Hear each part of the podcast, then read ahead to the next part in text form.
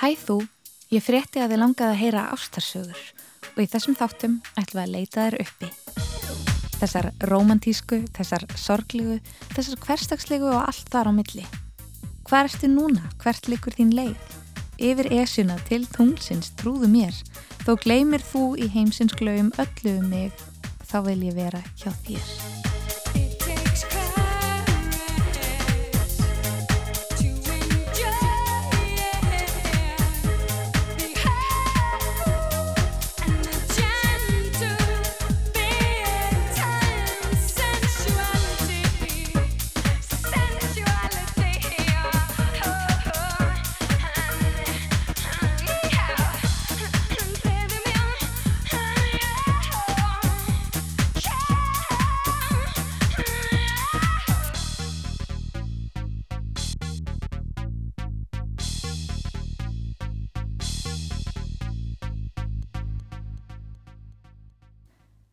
Þessi næsta saga er bísna ofinnuleg og það er erfitt að setja sig í spór parsin sem uppliðana. Ekki nema við afklæðumst í fallegri vel lístri íbúð í miðbænum, skrýðum upp í rúm og látum svolítið vel af hverju öðru á meðan Ragnar Kjartansson kveikir á myndavélni. Hlustum á alla og ásrúnu. Eh, ég var mjög hyllaður af ásunu bara fyrst þegar ég hitt hana. Það var náttúrulega bara einhver svona útgeislun sko sem að resoneraði hjá mér. En uh, svo þótti mér hún alveg óheyrilega sætt og þykir hennar enn. Ég er alltaf að heyra svo sög síðast bara um helgina Uh, já, mér fannst hann bara svona frekar og finnst sem, skilja. Mér finnst og fannst hann var alltaf svona mikill æsingur eitthvað inn í kringum hann sem ég fýla það er svona margt í gangi og mikið að gera og mikið að gerast og, og ég heitlaðist að því. Núna hefur við náttúrulega tvö börn og þá er maður alltaf að gera hluti. En við erum aldrei svona einhvern veginn að umpóta plöntunum og það tekur allan daginn eða eitthvað svoleiðis. Þú veist, við hefum vinið sem er að gera það og þá er alltaf eitthvað, við erum aldrei að gera það. Hmm. Jú, við svona höfum lagt halsett upp úr því í okkar sambandi að binda bakka okkar ekki sömu hnútum og samferða með okkar sko.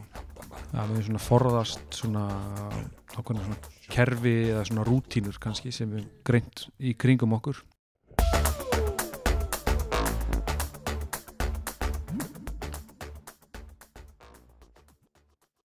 Sameileg vinkona okkar og Raka sem heitir Kristín Anna hún hefur samband við okkur og spyr hvort við getum komið og borðað desert með henni og Ragnari og Yngibjörgu sem er kona Ragnars Kjartasonar á snaps. En ég mann við varum með plön út af við vorum eitthvað svona búin að þýða kjúkling og við vildum ekki anvenda bara til spillis.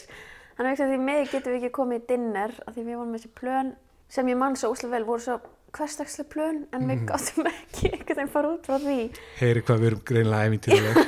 Okkurlega, við myndum aldrei gera það í dag. Um, en það var líka eiginlega romantískara þannig að hittast í desert. Ég man allan, ég fekk mér krem brúlei Ég held ég að fengi mér eitthvað svona sítrónu svona tart mm, mm, mm. og við drukum bara eitthvað desertavín hann með þeim, þreymur og borðum desert og ég held að hann hafi sagt okkur það strax að þetta væri mm. fyrir stóra síningu sem að stóð til að setja upp þá um haustið í Palais du Tokyo í París og hann leitti okkur svona í gegnum pælingar sem hann var með fyrir sagt, þetta svona margrása videóverk Scenes from Western Culture sem að hann lísti svo sem bara með svona mjög plain hætti sko, þetta væri að sumuleiti kannski svona banal banal dekadent senur, af því mann ég lærði líka orðið dekadent mm. á þessum fundi mm -hmm. hann leiti okkur í gegnum öll videóverkin sem ég man ekki hvað er mörg en kannski 8, 10, 6 eða eitthvað svona mm -hmm. og var með skissur af öllum videóverkunum af hverju senu hann teiknaðar svona skissur. Hverju hugmynd? Hverju verki? Og síðan síðast pitcha hann því sem hann, hann bað okkur eða vildi byggja okkur um að huglega hvort við höfum áhuga að performera. Já, já, hann kom sér ekki beint að efni, Nei. getur við sagt. Sem sagt senan átti bara að vera ungt millistjættar par, eða þannig allavega skildi ég það mm. að bara elskast í þessu svona minimalíska herbergi. Þetta eru samfarir með upphafi og enda. Já,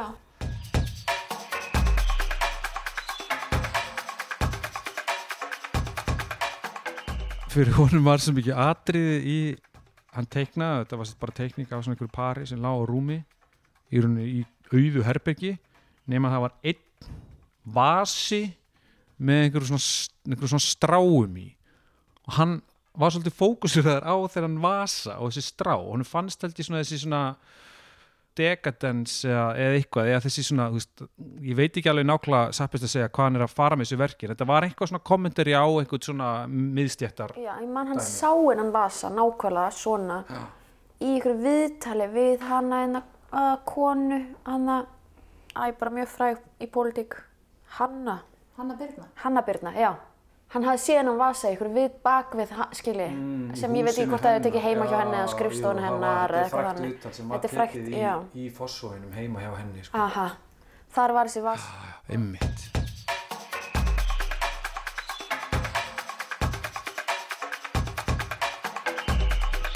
og þú veist, svo sem er ég allavega, þú veist, ég svo sem vita hver hann er mörg, mjög, mjög lengin, hann er ekki beinlega vinu minn, myndi ég segja, sko. Ég held að hann myndi ekki segja það sami mig.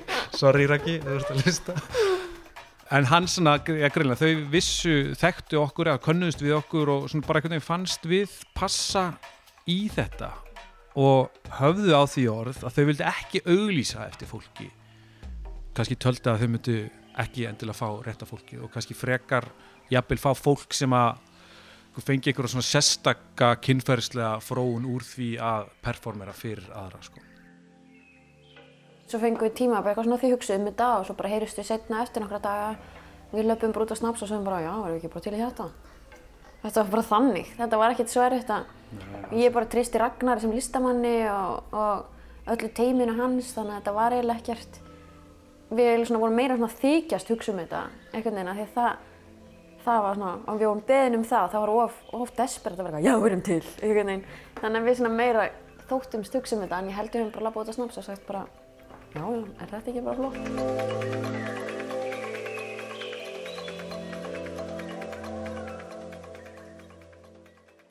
Þetta er skoti í svona einhvern veginn mjög fínni, fínum íbúðum að hann er á Mýragötunni.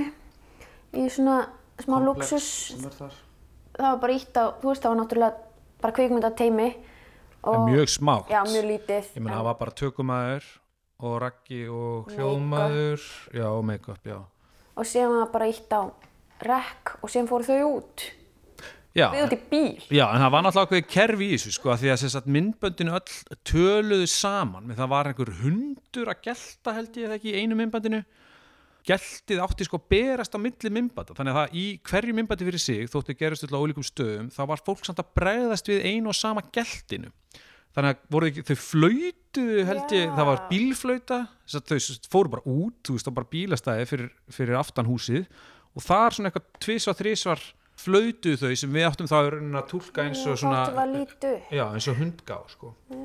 rétt uh, en að öðru leiti, já, við vorum bara einu í herbygginu það var bara sett allt í gang já. Bara ítt á rekk og, og allir fóru bara út sko.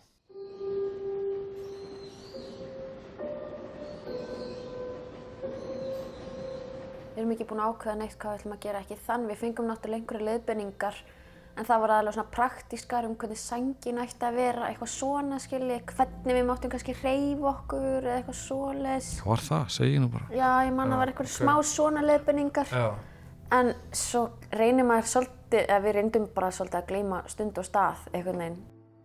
Að vera ómeðvitið um hvað við værum að gera fyrir hvern og það var aldrei leikið eða performera eða, eða kóreografa neitt sko. nema þetta bregðast við þessum bílflautum klukkan, já, sko, nema já. bílflautum, þá ættum við að líta þá áttum við svona einhvern veginn að stoppa og líta upp sko, en við bara pældum- elskuðum hvort annað já, við fórum bara það var ekkert flókið já, þetta var svolítið romantist okkur var búið upp á svona kampænsklasi eða eitthvað áður en að þú veist, þau fór út úr herberginu Já, já. basically, þannig að þetta var alveg smá, svolítið svona, já, smá bara svona eins og að vera einhvern veginn í frí á einhverju fancy hóteli í, í, í París eða eitthvað. voru þau með mónitor samt Ég veit ekki, að ég veit að síðan erum við döbbuð. já, það var það sem þér var sagt að sko mamma að því að mamma sagði hún var í listasafni Reykjavíkur þegar að, þessi, þessi síning kom loks hingað. Og hún er bara að labba hann í gegn svo segir hún bara, hún heyrir í mér röddina og snýr sér við og, og fer þess vegna eitthvað að pæla í þessu sko. sem er náttúrulega rýmað ekki við það sem að þér hafi verið sagt um að þetta hefði verið döbbað.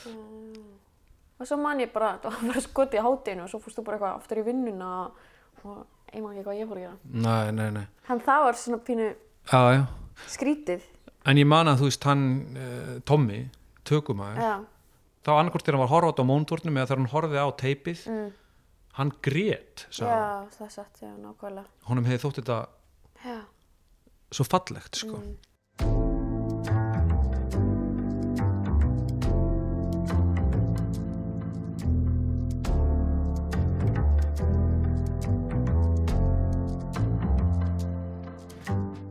Já, ég held þetta snúist alveg jafn mikið um ástina og bara ymmit, nándina og sjálfar samfarinnar. Við erum allavega ennþá saman, þannig að kannski dýfka þetta eitthvað og þetta svona dýfka kannski samband mitt við tengdafjölskyldi mína. Nú, nú vita þau að við hefum kist og kannski auðvikt fyrir alla líka.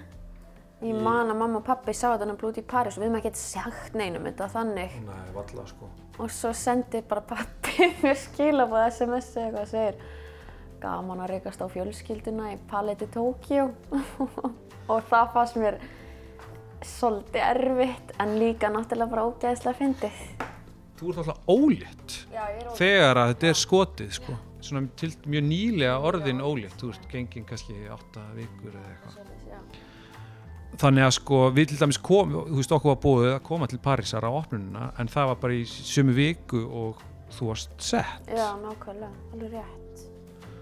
þannig að mér fannst það mitt alltaf í þessu SMS-i frá pappa henni sko, að því hann sagði eitthvað svona gaman að rekast á litlu fjölskylduna Já, einmitt. og mér fannst það alltaf vera svona eins og, eins og þetta væri svona stund getnaður Já, einmitt, já, ég hugsaði líka þannig, já. ég hef reyndar aldrei séð þetta sjálfur hvar hefur þú séð þetta? Ég sagði þetta í Kaupmannöfn með sko kollega mínum. Og mér varst það mjög vandri, ég hefði eiginlega viljað vera ein en við vorum tvö. Og mér varst það svona pínu erfitt að vera einmitt ekki með þér heldur með einhverjum öðrum. En það var bara gaman að sjá þetta því að líka þetta er bara í raun bara einn sena af miklu miklu stærra verki einhvern veginn. Þannig að þegar maður sá þetta með hinum verkunum og þá var þetta svona bara mjög bara flott og, og mér fannst það ekkert, ég gæti svolítið slítið mig frá þessu einhvern veginn, mér, mér fannst þetta ekkert svo erfitt að sjá þetta, mér fannst það bara gaman, mér fannst það bara já, ég var bara stolt af þessu verkefni einhvern veginn. Og litla baunin í maðurum á mér og það var bara einhvern veginn fallegt. Það er engin vafað eitthvað vandar Ég held þú vitir hvað það er Þú varst að hlusta á hlaðvarpsútgáfuna af útvarstættinum Ástarsögur á rás 1. Ef þú hafðir gaman af þessum þætti, getur þú líka haft gaman af Er þetta dónalegt? Þátturöð um ástir og kynlíf okkar elstu kynsluðar. Nei, nei, býtu við, þá man ég eftir þegar ég var í barnaskólanum, þá var eh, sko engin íþróttasalrið neitt. Ég fór í kaðal og, og hérna prílaði upp á og skólastjóna var svona rosa hvað ég verið dugleg og svo bara kom eitthvað sem að ég veist ekki hvað. Það hefur heitið fróun. Kaðlafrúin svo kalluð. Já, já, nákvæmlega. Þú finnur Er þetta dónalegt? hér á hlaðvarpsappinu þínu. Ástar kveðjur. Rás eitt fyrir forvitna.